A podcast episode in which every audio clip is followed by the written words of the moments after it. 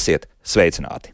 Mēs esam ielenkti. Nu, ielenkti mēs esam bijuši vienmēr. Tikai ziemas laikā ielencējiem baktērijām un vīrusiem kaut kā vieglāk ir izdodas mums tikt iekšā organismā. Par to, kāda šobrīd ir situācija un vai mums eh, ir vērts uztraukties par kādām infekcijas slimībām, kas mūs vajā. Par to šodien raidījumā. Mana studijas viesne, imunizācijas valsts padomus priekšsēdētāja, profesora Dārsa Vatska. Profesors, sveicināti! Attālināti esam sazinājušies ar Latvijas ģimenes ārstu asociācijas prezidenti Alisi Nicmani Aišpuri. Alisi, sveicināti! Labrīt!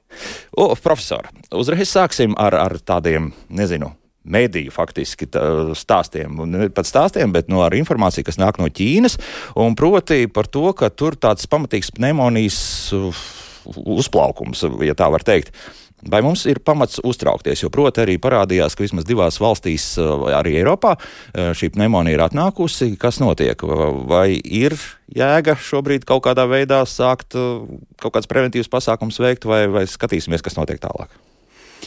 Um, nu, taisnība. Tas, kas izskanēja oktobra, novembra vidū, tas, protams, lika tādā uh, Uh, ievilkt telpu visiem, vai tiešām atkal, bet nu, neizskatās, ka tiešām atkal. Un, un, un, un tā, tā, tā pirmā ziņa, kas nāca no Ķīnas, ka tas ir kaut kas jauns un neredzēts, un, un, un tieši bērnus uh, ļoti lielā daudzumā skarošs, tad šobrīd jau to visu šķetinot un um, runājot nevis ziņu virsrakstu līmenī, bet jau konkrēti atbildīgo iestāžu datos un, un, un faktos, uh, tad ir ļoti līdzīgi viņiem tā kā bija Eiropā un arī mums Latvijā pagājušajā gadā, kad mēs tā kārtīgi atcēlām visus ar Covid saistītos ierobežojumus.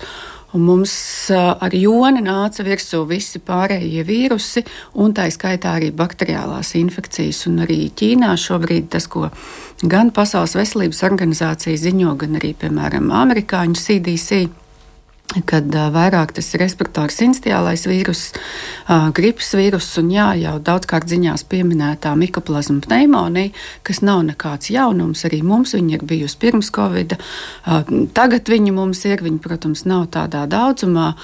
Un, uh, pagaidām izskatās, ka rietumu pasaule ar tādu mieru to uztver. Mhm. Protams, tāpat laikā visu laiku tāds roku uz pulsa tiek turēts. Tiek turēt, ja. Man drusku darīja gan bažīgi tas, ka Pasaules veselības organizācija bija paziņojusi, ka par šādām slimībām it kā nevienā valstī nevajadzētu ziņot nu, ja tomēr tas kaut kādas pandēmijas izmērus var kaut kur ņemt, tad varbūt tomēr derētu šādu ziņojumu veikt. Kaut kāda komunikācijas kļūda, jā. jo arī tā ziņošanas sistēma, kas ir pirmā, kas to uztver, jā, tā tad. Um, Viņai ir savs speciāls nosaukums, ko viņa uztvēra arī tad, kad sākās Covid-19. gada beigās, decembrī. Ja, arī šī ziņošanas sistēma bija pirmā, kas parādīja šo signālu. Uh, arī tagad tā pati sistēma bija nostrādājusi, un, un, un es domāju, ka tur vairāk tā komunikācijas kļūda. Bet, protams, ja mēs runājam atsevišķi par mikoplazmu pneimoniju vai, vai, vai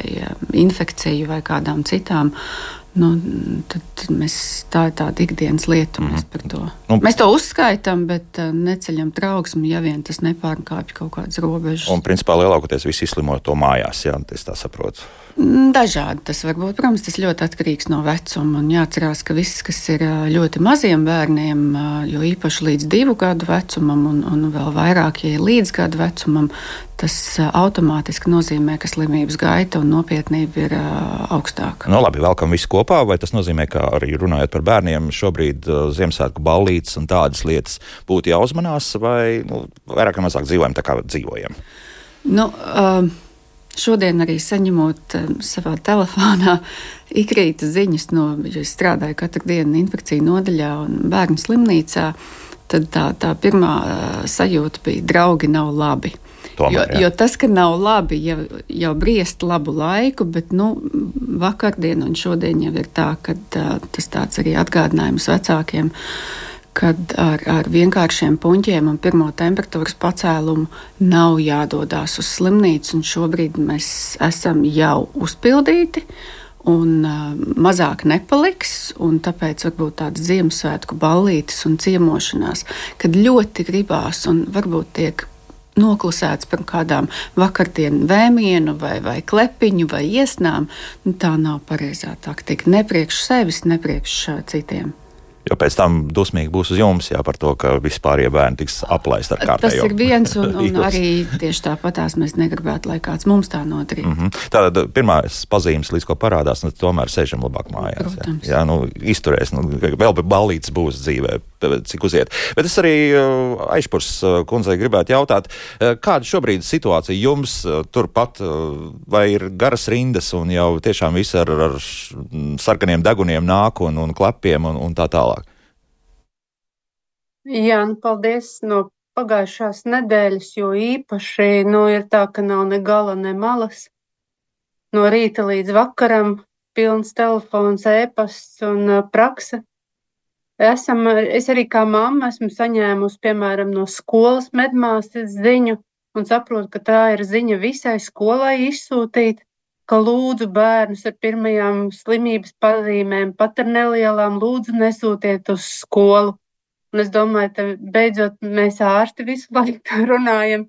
Un tad arī redz, skolās ir medmāsiņas, kas apziņo visus vecākus ar lūgumu. No acīm redzot, šī tendence, kad uh, Covid laikā mēs bijām ārkārtīgi piesardzīgi, un tagad ir atkal vecās, uh, vecie mūsu ieradumi, kad nu, sīkas iesnas vai sīks balss piesmakums ir viens štruns, un tad bērni var laist uz skolu. Un tad šis atgādinājums ir vietā, ka nē, Tas, ka saslimstība pieaug, nu mēs manam jau pēdējās trīs nedēļas ļoti izteikti, bet no pagājušās nedēļas ārkārtīgi. Nu, tā kā varētu domāt, ka ir gripas epidēmija, tikai šajā brīdī tā nav gripas epidēmija, ir milzīgi daudz covid infekcijas, ir arī daudz paragripas vīrusu. Nu, klīniski, protams, mēs analīzes tam neveicam. Un pa kādam arī gripas gadījumam Un šovakar varbūt vairāk bija jādomā par tādu respiratoru sincitālu vīrusu ar uh, vairāk bronhītiem. -hmm, jā, profesor, jā. Nu, no tā, ko mēs slimnīcā, mēs, protams, slimnīcā cenšamies noteikt uh, vismaz ar ekspresa testiem, jāsaka, ka um, ir visi trīs šobrīd. Gan gripa jau ir sākusies, nav, protams, uh, nomācošā vairākumā, bet gadījumi pieaug un, un stacionēti, un gan A, gan B kas parasti mēs sākam ar A un tā B uz pavasara parādās. Un, kas par covidu, tad tie ir izteikti mazie bērniņi. Tātad zīdainīši līdz gada vecumam, pāris mēnešu veci, un tur vecāki visvairāk sabīstās no temperatūras pacēluma. Tas visticamāk ir pirmais temperatūras pacēlums dzīvē, un te atkal varbūt lūgums sazināties ar ģimenes ārstu, kā tad rīkoties, un uzņemšanas nodaļa nav tā vieta, kur māca, kā tikt galā ar temperatūru. Tad uz stacionāriem viņi nenonāk. Jā. Nē, viņi, viņi dodas uz stacionāriem, jā. bet mēs nevarēsim visus palīdz, visiem palīdzēt un, un, un visus uzņemt, palīdzēt. Protams, beigās mēs palīdzēsim, bet tas gaidīšanas laiks būs ļoti ilgs. Un arī respiratoris instiālais vīruss ne tādā apjomā, kā viņš bija pagājušā gadā. Tas bija ļoti traki, bet arī šogad ar tādiem, kas, kam ir grūti elpot, viņiem nepieciešams skābekļa atbalsts. Tādi, protams, nonāk slimnīcā, tur nav divi domu. Tad tā, tas tā kā, notiek, ir, ir visi, visi trīs, un tad, protams, pa vidu arī vēl kādi um, šie gastroenterīti, tātad zarnu infekcijas vīrusi, arī tie diezgan daudz, tieši norvēlku vīrusu šobrīd, un uh, tas dažādus vecums šobrīd skar, jā. Skar, jā tieši tā. Atkal nemazgājam rokas? Nē, viņš tā, protams, roku mazgāšana, bet tāpatās viņš ir tik ļoti kontagios. Ka, ka, ka parādīsies kaut kur atkal, jā, būs klāt. Bet uh, runājot par, par Covid-19, Bet, nu, visdažādākās versijas ir dzirdētas. Mums arī puses radio šobrīd liekas, ar, ar Covid ir atkal slimi. Kam tas ir ļoti viegls, faktiski pasākums šobrīd izvērš. Citiem nu, nu, ir tāds diezgan pasmaks, jā, ar visu atkal ožas un, un, un gažas pazaudēšanu un tā tālāk. Un tā tālāk. Kas to nosaka? Ir kaut kāds skaidrs, kāpēc vieniem ir tik smagi un otriem ir pavisam viegli. Jā, mēs to saucam par personalizēto medicīnu, un arī jūs raidījuma ievadā minējāt par šiem jaunajiem testiem, kas par antimikrobo rezistenci, bet tieši tādu pašu testu mēs citu Latvijā arī piedalāmies konsorcijā kas palīdzēs noteikt, kā cilvēks, tātad cilvēka atbildes reakcija uz infekciju. Un vai tā ir infekcija, vai tā ir iekaisuma, cita iekaisuma cēlonis, vai tā ir vīruss, vai tā ir bakteriāla. Tā ir mūsu ģenētiskā predispozīcija, kā mēs katrs ļoti daudz faktoru un ļoti sīkā, smalkā līmenī, kā, mē, kā mēs uz to atbildēsim. Tāpēc arī, piemēram, viens ģimenes vidū var būt tā, ka vien, viens staigās vilpodams, varbūt nedaudz ieklapojās, un otrs guļ ar lielu temperatūru. Un, un, un, un um, sliktu pašsajūtu. Un, protams, ka arī pats mikroorganisms daudz ko nosaka. Bet šobrīd jau ir tā, ka mēs par to covid vīrusu diezgan daudz uh, zinām. Mēs visu laiku viņu pastiprināti vērojam.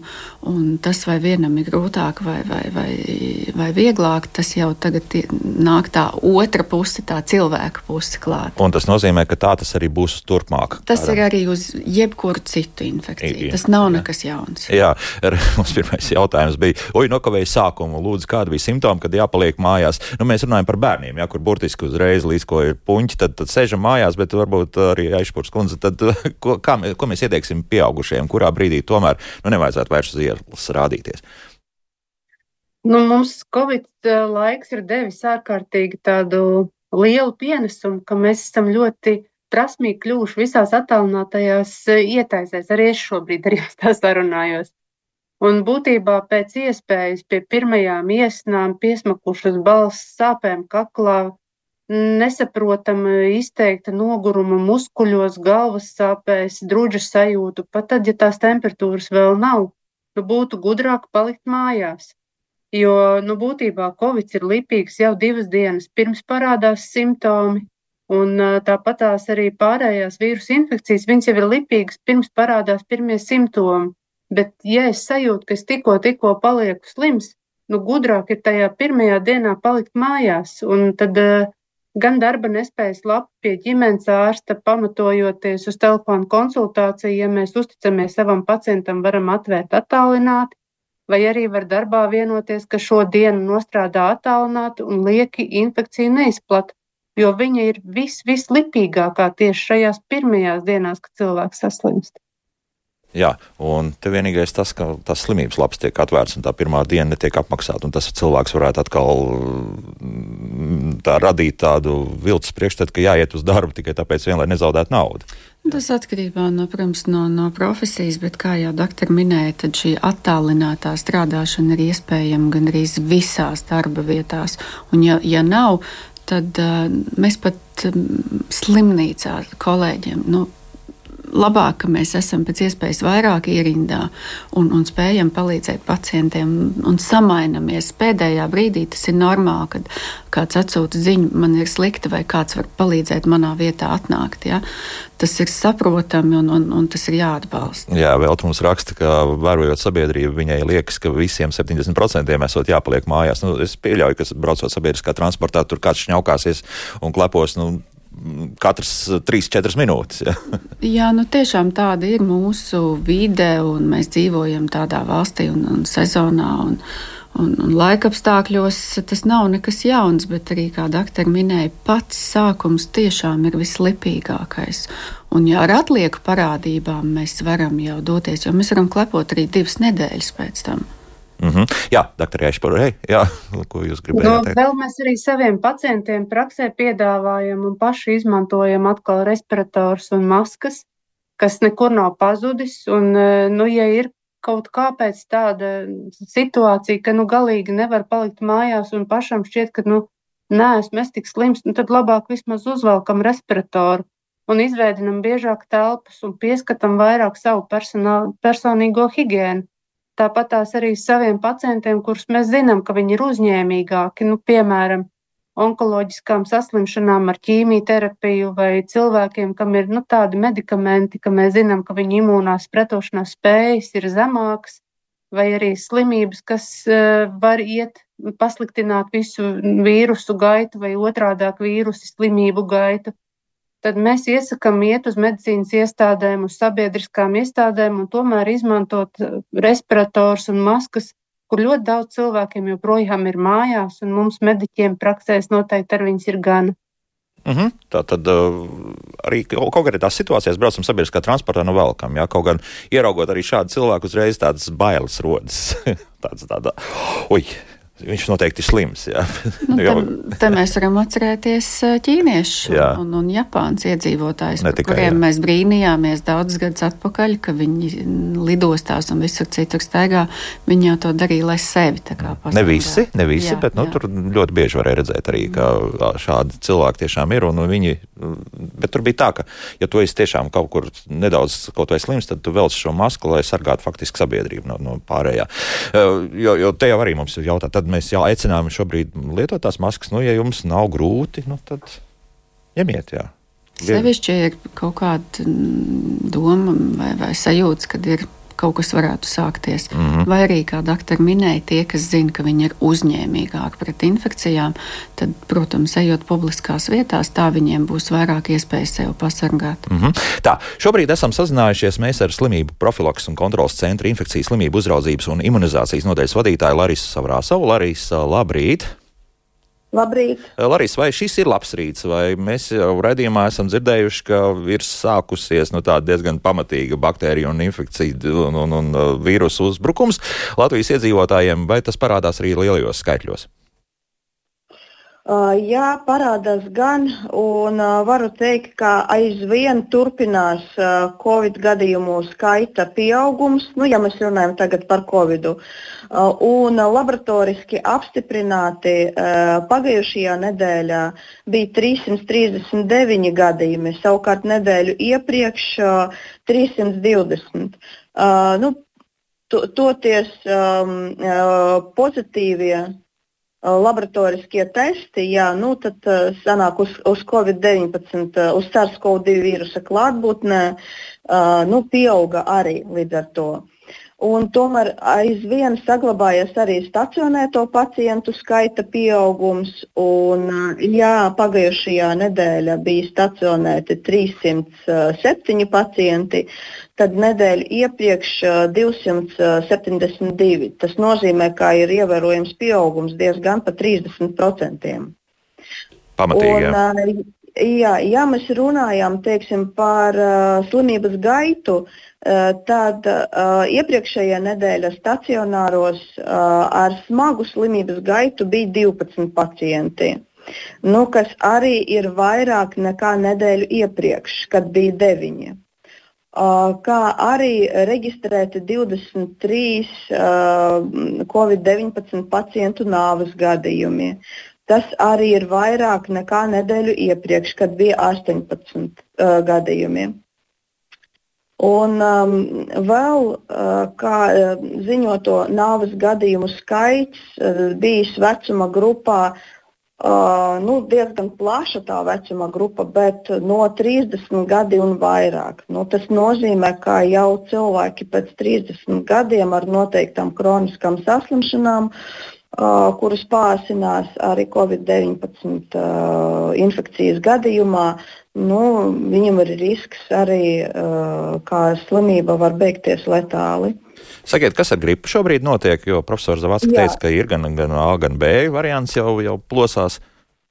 Uh, par gripu runājot tā, mums turpinās arī uh, monitorings, uh, kurš aizsākas uh, oktobrī. Uh, Un, um, uh, ir tā, ka uh, pagājušajā nedēļā saglabājās vidējā gripas in, izplatības intensitāte, uh, bet tomēr ir vērojams neliels pieaugums uh, kopš monitoringa sākumā. Un, uh, pagājušajā nedēļā iesaistīto ģimenes ārstu praksē, regist, prakses reģistrēti 13 saslimšanas gadījumi ar klīnisko gripas diagnozi. Uh, Uh, un nedēļu iepriekš tās kā, nu, bija nedaudz vairāk, bet, nu, bet nu, tomēr bija kādi uh, 15 un 17 gadījumi, bet nu, gandrīz vienā līmenī. Uh, un uh, reģioni, kur ir, uh, kur ir iesaistīti uh, gri, uh, gripas izplatībā, ir uh, Ventspils, Daugopils, Jēkabils nu, un Rīga noteikti. Un visaugstākā saslimstība ir reģistrētā bērniem no 0 līdz 4 gadiem. Arī nu, līdzīgi izplatība, līdz, gripas izplatība līdzīgā līmenī ir arī Eiropas valstīs. Nu tā. Uh mhm. -huh. Labi, paldies. Un, lai šodien veids darbos, dzirdējāt slimību profilaks un kontrolas centra infekcijas slimību uzraudzības un imunizācijas nodaļas vadītāja Larisa Saurāso, kas deva mums tādu nelielu ieskatu, kas mums kopumā valstī notiek. Larisa, paldies. Un uh, nu, tad tie bērni ir jā.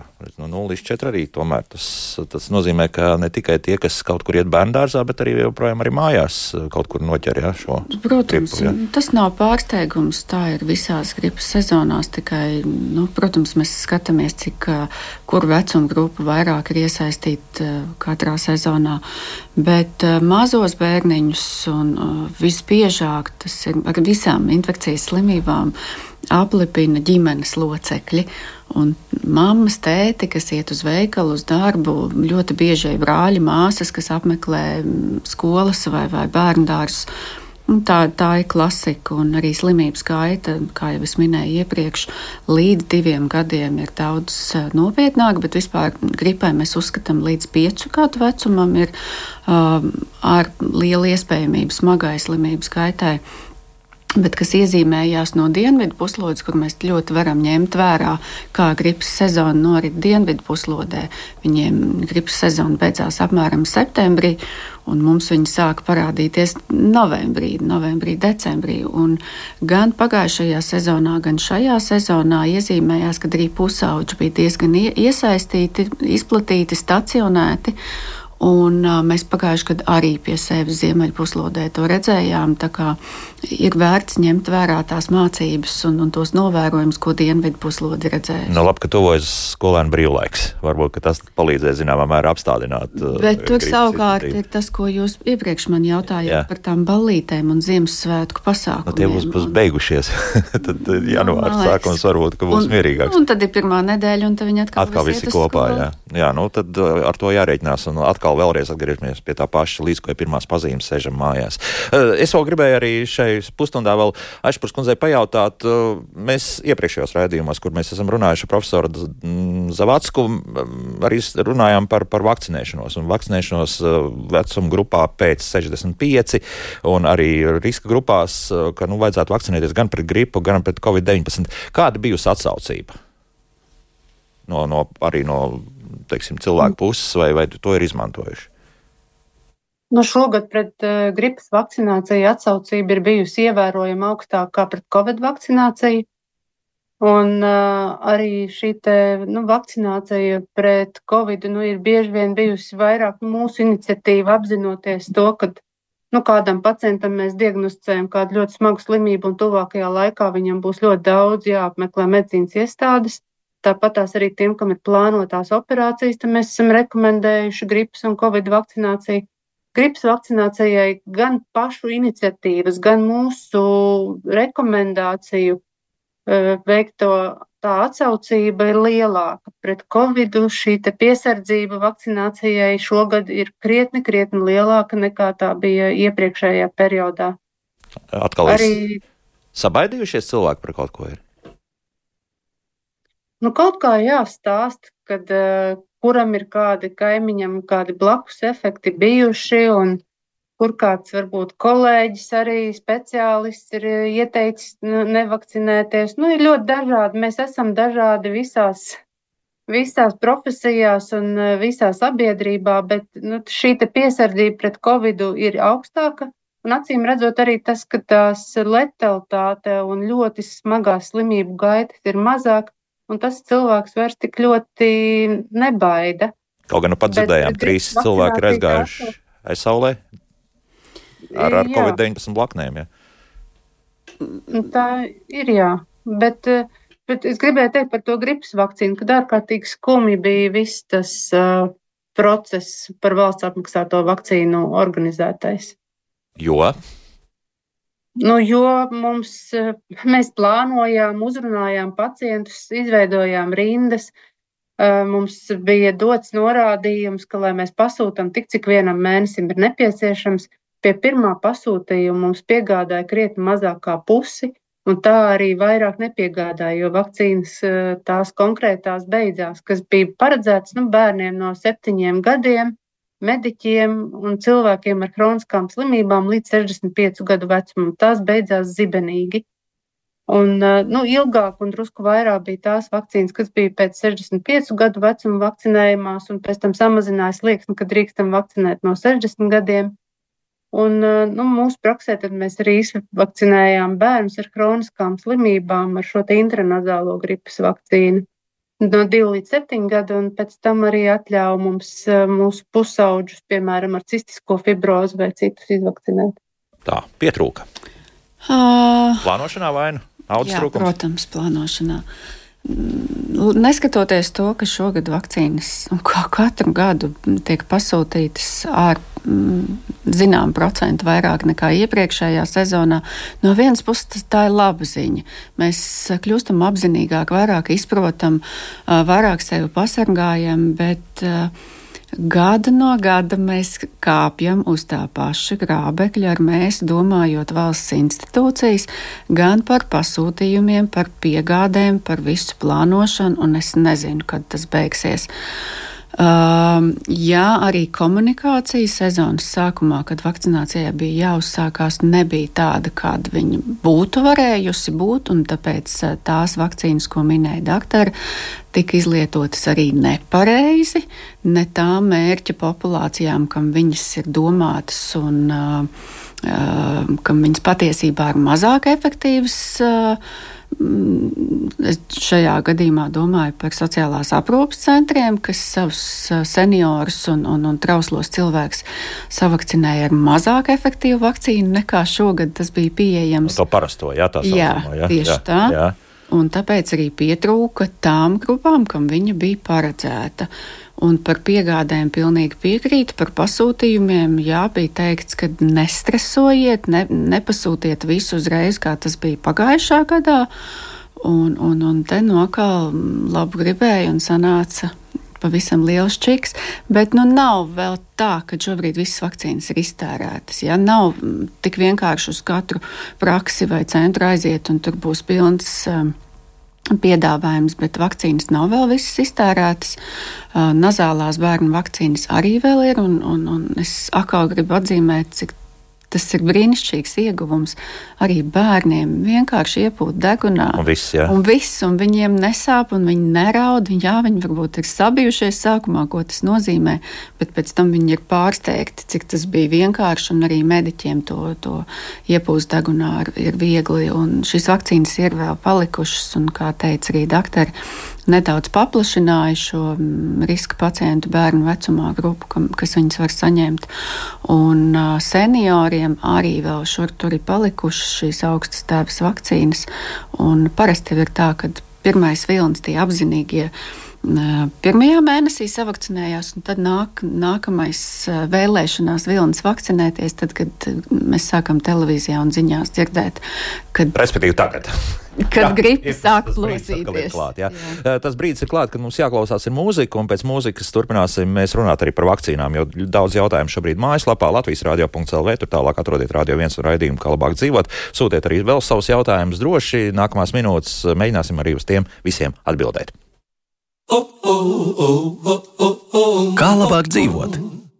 Šodien raidījumā mēs runājam par to, kā labāk dzīvot, kā pretoties pret vīrusiem un baktērijām, kas kā ziemas laikā uzglūna mums no visiem iespējamiem stūriem, gaisā, uz uh, dažādām virsmām. Viss kaut kas ir tāds, un mēs varam viegli arī saķert.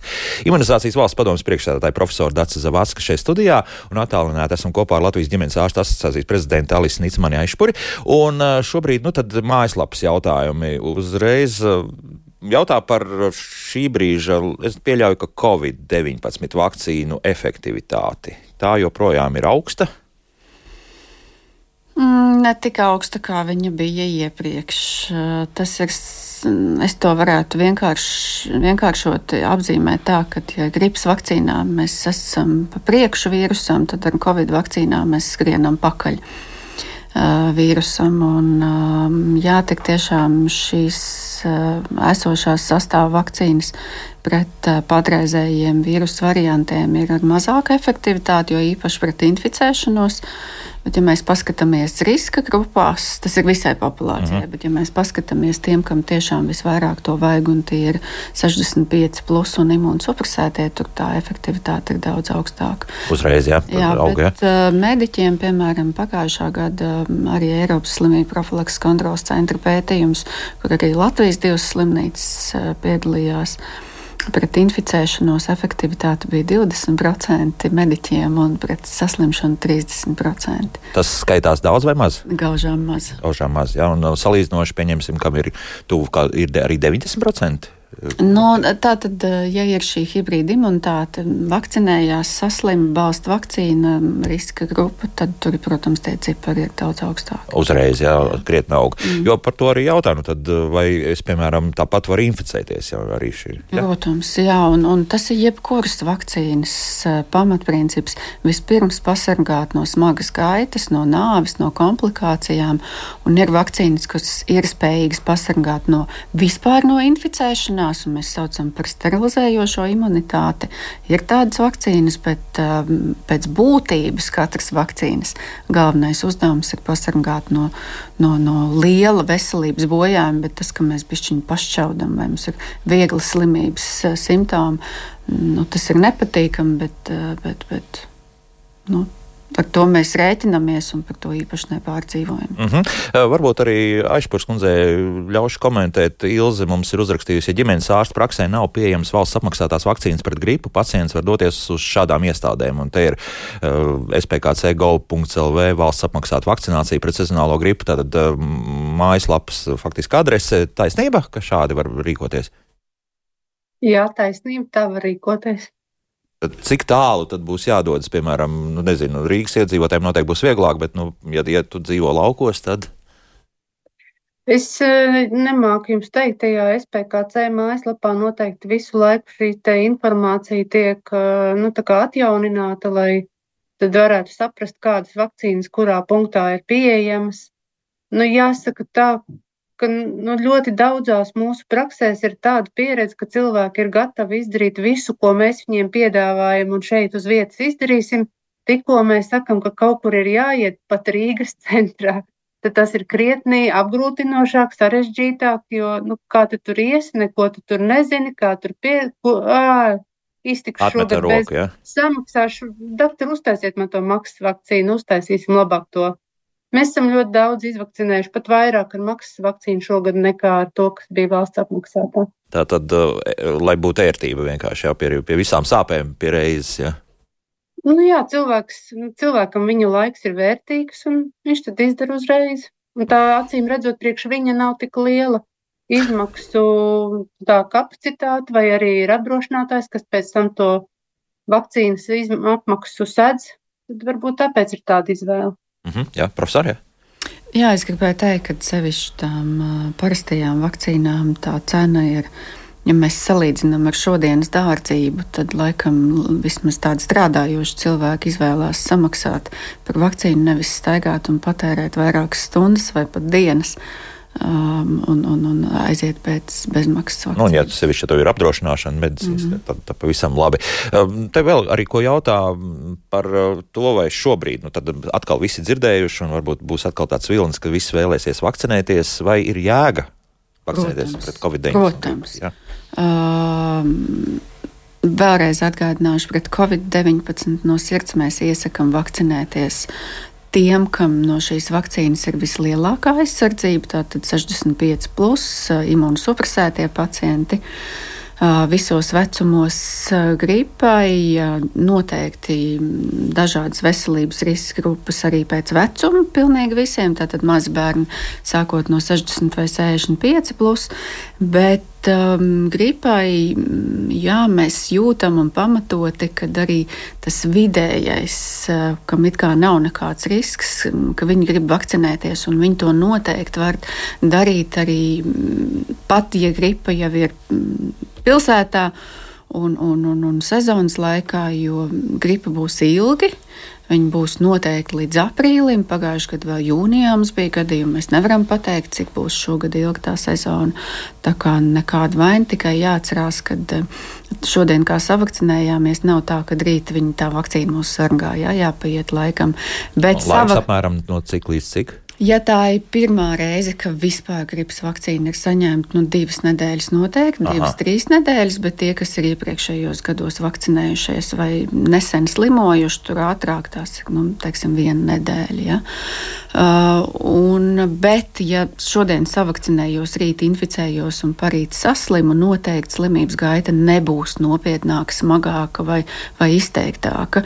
Vakcīna nebūs paspējusi radīt savu aizsardzību, bet viņa arī nekā nekādā gadījumā nepasliktinās to gaitu. Kā, lai vai no kuras puses mēs skatītos, noteikti pamats un, un, un, un jēga vakcinēties sezonas laikā. Lūk, tā, jā. Un uh, vēl viens tāds jautājums par kādu citu vakcīnu. Šai gadījumā mūsu radioklausītājs Jānis, viņam 70 gadu, hronisks bronhīts un pirms trīs gadiem ir vakcinējies pret pneimakoku infekciju vai jāvakcinējas ar jauno vakcīnu šobrīd? Uh, jautājums droši vien, kad kungs domā šīs konjugētās vakcīnas, uh, jo polisakrīdu vakcīņā mums labu laiku nav. Tur noteikti bija vajadzīgs balstu vakcinācijas ik pēc pieciem gadiem, bet to vakcīnu mēs sen tā kā vairs neesam redzējuši savās praksēs. Tāpēc visticamāk, kungs runā par konjugētajām vakcīnām, pneimokokam, kur ir viena deva uz mūžu pieaugušajiem un taisnība. Ja līdz šim tas tipu skaits bija 13, tagad pēdējos divos gados ir reģistrēts vēl divas vakcīnas ar 15 un 20 tipiem. Ja ir nopietna fauna saslimšana ar jo īpaši iesaistītām elpceļu, kroniskām fauna saslimšanām var pa virsmu vēl ar plašāku uh, tipu skaitu vakcinēties. Tas droši vien vislabāk būtu pārunāt ar savu speciālistu, kas ir pulmonologu, kas to uzrauga. Bet atkal tā ir tikai viena deva, un pēc tam nav pēc trīs, pēc pieciem vai cik gadiem jādomā par balstu vakcīnu. Uh mhm. -huh. Un doktorai Ešprēs savukārt jautāšu to, faktiski to pašu, bet kāda ir jūsu ieteikumi, ja jums pacienti noteikti arī ir ar šādu pneimakoku vakcīnām bijuši, un, un ko jūs tad sakāt? Nu, jā, mēs Ja jūs man jautājat par vakcinēšanu kā tādu, tad mēs iesakām saviem pacientiem ar kroniskām saslimšanām, sevišķi elpoceļu saslimšanām, un tāpat tās arī pacientiem virs 65 gadu vecuma šo pneimakoku vakcīnu izvakcinēt. Par uh, iespēju vakcinēt nākamo vēl ar plašāku pavirstu, nu, tā kā revakci vai revakcinēt vai paplašināt šo te laukumu. Nav tādi jautājumi šobrīd bijuši, un nu, tā nebija tāda lielākā aktualitāte. Arī šobrīd pasūtot maksas vakcīnu, nu, joprojām ir eh, pieejama tā, kas ir pret 13 eh, pneimakoku tiem cēlumiem. Kaut kā tie pret 15 un 20 nav tik vienkārši aizsniedzams. Tik vienkārši aizsniedzams, Vai tas jā. mums tā bija? Jā, nu tad kaut kādas, nezinu, loģistikas problēmas vai kā citādi. Nē, es domāju, tas vairāk tāds varbūt ieradums, jo lieltergotavās ir abas vakcīnas. Mm -hmm. ir, nezinu, man nemācēšu teikt, vai visās lieltergotavās. Uh, un pierādījis atgādināšu, ka bērniem no nākamā gada, tātad no 1. janvāra, mēs šo 15 tipu vakcīnu lietosim kalendārā. Visi tie, kam uh, janvārī jāsaņem kārtējā vai pirmā pneimakoku vakcīna bērniem, uh, tātad pirmajā un otrajā dzīves gadā, vakcinācija jāveic ar 15 tipu vakcīnu pat tie, kas ir uzsākuši vienu vai divas devas ar desmit tipu vakcīnu līdz šī gada beigām, kā nākamo jāsaņem ir 15 tipi. Bet to proaktīvi vēl to vēl lielāku, to 17, nē. Di 20 viņi nav jā. reģistrēti bērniem, nav, jā. un Aha. arī izskatot tos datus, kas imunizācijas padomu ļoti daudz par to strādājusi un diskutējusi, mēs neredzējām patreiz pamatojumu, kad visiem bērniem būtu nepieciešama uh, 20. Pagaidām pietiks ar 15. Jā. Jā. Jā. Normons tā oponē profesori, laikam jums, un viņš saka, redz, darbā attālināt var strādāt uh, ne visi, it sevišķi, piemēram, betona lējai jau nekur nepaliks, bet, nu, un tālāk viņš raksta par skolā bērniem attālināt online nav iespējams piedalīties stundās, lai gan visu tehniku par lielu naudu ir iegādāt iepriekš. Nu, ar to mācīšanos attālināti ir bijuši dažādi viedokļi, cik tas ir bijis efektīvi, bet uh, par betona lējējiem, nu, te, nu, jā, svaigs gaiss no vienas puses, jā, tu atrodies daudz, un vienīgi tas, ka sildoties noteikti viss atkal saka kāpj iekšā savā strādnieku būdiņās. Tur gan... Par to ir tāds, un, protams, nav jāieiet galējībās. Bet tieši tā, ja tev ir pirmie simptomi, ja tu sēdi savā kabīnē un vari savu darbu padarīt, nenodarot arī kaitējumu sev un uz sēdi, bet, kā jūs sakat, ja nāk visi vienā mazā būdiņā pēc tam kopā, tad iespējams, ka nākamajā nedēļā vairs nebūs neviena, ne tikai betonlējēji, bet arī pārējie izkritīs uz nedēļu un, un, un tālāk mājās tās ķēdītes aizies. Arī no mhm. tāda aspekta es aicinātu padomāt. Bet runājot par skolām, nu, tā kā mēs arī pirms Covid laikā, ja tu esi slims, tad tu uzzini, kādu mājas darbu tev jāpild un izpild viņus mājās. Un uh, man personīgā ģimenes pieredze šajās nedēļās ar skolu ir tā, ka bērniem nenotiek trīs stundas, piecas stundas katru dienu, jo skolotāji ir saslimuši. Un te mēs arī runājam par skolotāju atbildības. Starp citu, skolotāji ir viena no rezistentākajām vakcinēšanās grupām, un tas ir mūžsanais jautājums, kā izglītot cilvēku pretojās vakcinācijai, bet tas joprojām ir aktuāli. Diemžēl diemžēl. Ja? Bet uh, savukārt, uh, doktor Ešparē, es gribēju jautāt, uh, šīs attālinātās konsultācijas pa telefonu, cik tās ir efektīvas jūs, no jūsu skatu punkta? Jo skaidrs viens, ka daudz jums tāpat zvana uz ģimenes ārstu praksi un prasa, un, un, un kā jums ar to soks? Mm, nu, telefona konsultācijas viņas bija arī ļoti daudz pirms Covid periodā. Tikai tās nebija legalizētas un nekādā veidā apmaksātas tad eh, no šī Covid perioda viņas ir vismaz kaut cik legalizētas un kaut cik apmaksātas. Un gribu teikt jums tā, ka mēs esam ļoti uztrenēti un, uh, piemēram, ir ļoti, ļoti daudz nianses. Un zinot savu pacientu un zinot, kā viņam iet dažādas slimības un kas ir tas uh, viņa resurs, runājot telefonā un sevišķi tiem pacientiem, kas smagi slimo, kad šīs telefona konsultācijas ir katru dienu, nu, ir ļoti daudzas pat tādas nianses, kuras varbūt pacients nepasaka, bet es dzirdu, kā viņš runā, kā viņš elpo, kā viņš ieklapojās, un daudz sīkumi, pēc kuriem tad es varu diezgan droši teikt, nu, kā tad jūtās un kas ir šajā brīdī jāpieslēdz terapijā vai jānoņem no terapijas.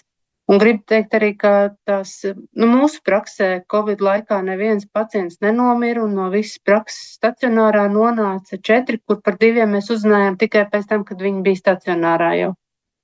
Līdz ar to ir augsta efektivitāte šīm konsultācijām, un tā lielā priekšrocība mums ir tā, ka mēs savus pacientus pazīstam un zinām, ar kādām slimībām viņi slimo, kā viņu slimību gaita iet, un kas ir tie viņu varbūt lielākie klupšanas akmeņi. Vēl arī par to darba nespējas lapu, ko mēs runājām. Nu, ir šobrīd tā, ka, ja pacientam ir pozitīvs covid tests, tad mēs drīkstam un uh, slimības lapu atvērt uz pirmajām sešām dienām, kad pacients ir vislipīgākais, Un 7. dienā, 7. 8. vai tad mēs pacientu aicinām pie sevis uz praksi, vai tad laižam viņu uz darbu. Pārējiem pacientiem ar akūtām augšējo elpceļu infekcijas simptomiem, tad nu, domājot par to, ka gripa ir ļoti lipīga pirmās trīs simptomu dienas, tad atbilstoši tam, ko pacients stāsta, un arī joprojām cilvēkiem ir mājās eh, skābekļu, šie mazās iekārtiņas, ar ko mēra pulsu un skābekļu, tāpat tās tiem, kas ir slimi, ir eh, spiediena aparāti. Visus šos parametrus izvērtējot, ja mēs redzam, ka ir bīstami pacientam tas, ka mēs viņu neredzam klātienē, mēs, protams, aicinām uz praksi. Un nav obligāti pilnīgi visiem ar augšējiem elpceļu infekcijas simptomiem jābūt mājās šīs pirmās eh, sešas dienas. Tālūk. Tālūk. Mums ir palikušas pēdējās minūtes, burtiski, un uh, mēs tikai varam vēlreiz atkārtot. Tātad nekautrējieties lietot maskas, respirators. Neviens jums to nepārmetīs, ka jūs šādi arī proaktīvi faktiski to darāt. vakcinācija joprojām ir pieejama un ir pieejama, un tā tad noteikti vispirmām kārtām pajautājiet savām vecmāmiņām, vectētiņiem un, un, mazajiem bērniem, mazo bērnu vecākiem, vai tas ir izdarīts, un vakcīnas vēl ir pieejamas. Un, un, un to vajadzētu izdarīt. Ja gadījumā nesanāk un vakcīnas ir pieejamas vēlāk, to var darīt arī vēlāk. vēlāk. Un tagad es gribēju pajautāt uh, vienu lietu, kas uh, vairāk būs saistīta ar rītdienas mūsu raidījumu. Proti, no nākamā gada paša sākuma publiskās vietās visur būs pieejami uh, sirds defibrilatori. ar diviem L tagad izrādās jāraksta. Uh, profesor, vai jūs, pieņemsim, kā ārste, būtu gatavi, teiksim, publiskā vietā lietot šo mm, faktiski aparātu? Noteikti jā. Um, viens ir, protams, mana profesija un, un, un, un mana atbildība to nosaka, bet tie mūsdienu defibrilatori ir pārsteidzoši viegli lietojama un pat tāds saprātīgs, es nezinu, astotās klases skolnieks attaisot. Viņam ir vienkārši jābūt pieejamam. Viņš nevar būt aiz divām atslēgām, rīmī veikalā pie apsarga. Viņam ir jābūt viegli pieejama, attaisam vaļā. Tā kā mēs telefonu ieslēdzam, pieliec vienu. Uh, tur, otru, tur, trešo tur detektoru, viņš pats nolasa, kas ir jādara, vai vispār kaut kas ir jādara. Un tad, ja kaut kas ir jādara, viņš skaidri un gaiši pasakā, nospied to pogu. Un līdz tam brīdim ir atbraukusi neatliekamā palīdzība. Skaidrs, Tā jā. var izglābt daudz dzīvību. Jā, un doktorē, es pareizi arī faktiski to pašu jautāšu. Jūs droši lietot šādu aparātu? Nu, jā, protams. Es gan arī esmu daudz strādājis ilgi ātrajā palīdzībā, un man tas gan nesatrauc. Skaidrs, es vienīgi domāju par to, lai visa sabiedrība jūs acīm redzot uztraucaties. Jā. Varbūt tad mums ir jāieliek tāds uh, pamācības video ļoti viegli pieejamās vietnēs, tā lai tas būtu plaši pieejams. Nu, piemēram, skolās no kaut kādas astotās klases vai septītās un tāpat tās dažādās darba vietās, nu, lai mēs varam visi apskatīties un skaidri zinām, ja gadījumā dzīvē vajadzēs, ka mēs zinām, ko darīt. Tieši tā. Paldies! Un rītdien, kā jau noprotat, runāsim par pirmās palīdzības sniegšanu un par šīm lielajām izmaiņām, kas faktiski tagad arī notiek, kas ir noteikti nāks par labu un izglābs nevienu vienu dzīvību, cerams, tur, turpmāk Latvijā. Bet tas rītdien. Šodien saku paldies imunizācijas valsts padomas priekšsēdētājai Dacei Zavackai un Latvijas ģimenes ārstu asociācijas prezidentei Alisē Nicmanai Ašparei par kopā būšanu un par vērtīgajiem padomiem. Paldies! Paldies! Līdz rītam! Jauka diena visiem! Tā.